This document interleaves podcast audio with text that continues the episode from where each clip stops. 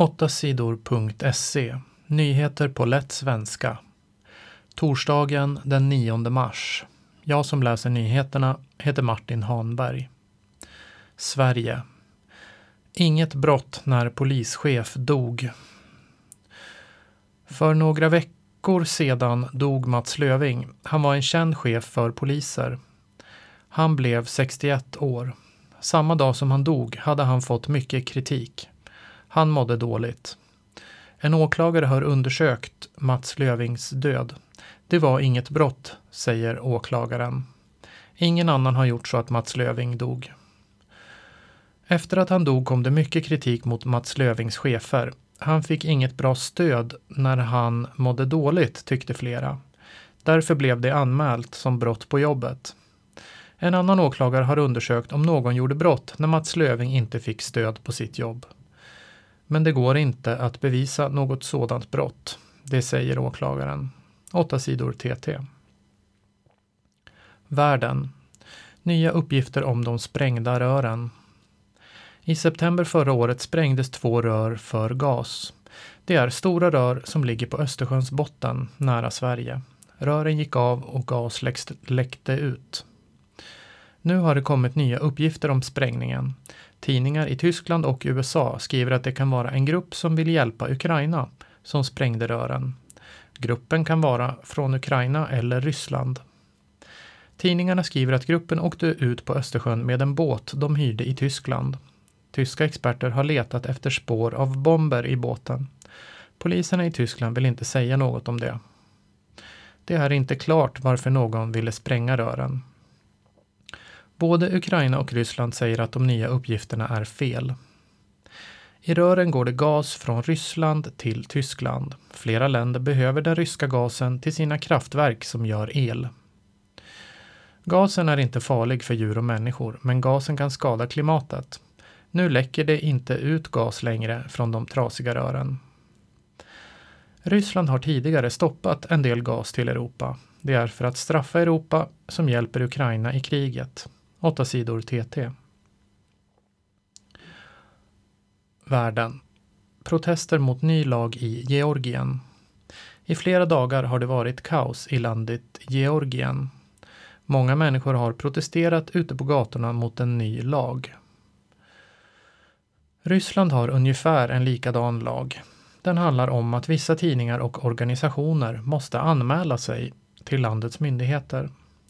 Politiker i Europeiska unionen, EU, har sagt att Georgien har en bra chans att få bli medlem i EU. Men då måste Georgien först jobba mer med sin demokrati. EUs politiker tycker inte att den nya lagen är demokratisk. I en demokrati ska tidningar och organisationer vara fria och kunna skriva vad de vill. Folk i Georgien tycker inte heller att lagen är demokratisk. Därför har de protesterat. De har viftat med EUs flaggor. De tycker att lagen visar att Georgiens regering hellre vill närma sig Ryssland istället för EU. Georgiens regering har nu ändrat sig och stoppar lagen, men det verkar som att förslaget om lagen kan komma tillbaka senare. Vi vill förklara mer om lagen för folk när de inte är lika arga längre, skriver regeringen i ett brev. 8 sidor TT. Fara för kraftverk efter attacker. Det har varit nya attacker i Ukraina. Ryssland har attackerat flera städer. Flera människor har dött. Attackerna har förstört mycket av Ukrainas system för el. Flera områden i Ukraina har nu stora problem att få el. Kärnkraftverket Zaporizjzja ligger i ett av områdena som är helt utan el. Det säger Ukrainas myndigheter. Kärnkraftverket kontrolleras av Ryssland sedan en tid. Det är Europas största kärnkraftverk. Nu varnar experter i Ukraina för en katastrof om inte elen kommer tillbaka till kraftverket. Det kan bli en stor olycka i kärnkraftverket, det säger det statliga företaget Energoatom som sköter kärnkraftverk i Ukraina. Företaget säger att elen måste komma tillbaka till kraftverket inom tio dagar. Då tar den el som finns sparad i kraftverket slut.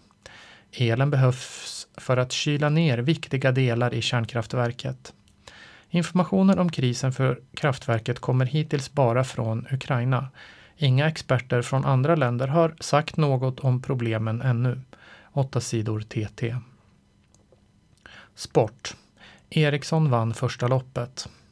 Nyligen var det ett lopp med bilar i Florida i USA. Marcus Eriksson från Sverige vann loppet. Det var årets första lopp i tävlingen Indycar. Det var en skön start. Jag är stolt över alla som jobbar i mitt lag. Det sa Marcus Eriksson till kanalen Viaplay. Han har ett lag som hjälper honom med bilen. Det har alla förare. Marcus Eriksson är 32 år. Han kommer från Kumla som ligger nära Örebro. I många år har han tävlat med att köra bil. De senaste åren har han kört i tävlingen Indycar i USA. Det är en stor tävling. Många av världens bästa förare är med och tävlar där. Massor av människor tittar på loppen. Förra året gjorde Marcus Eriksson stor succé.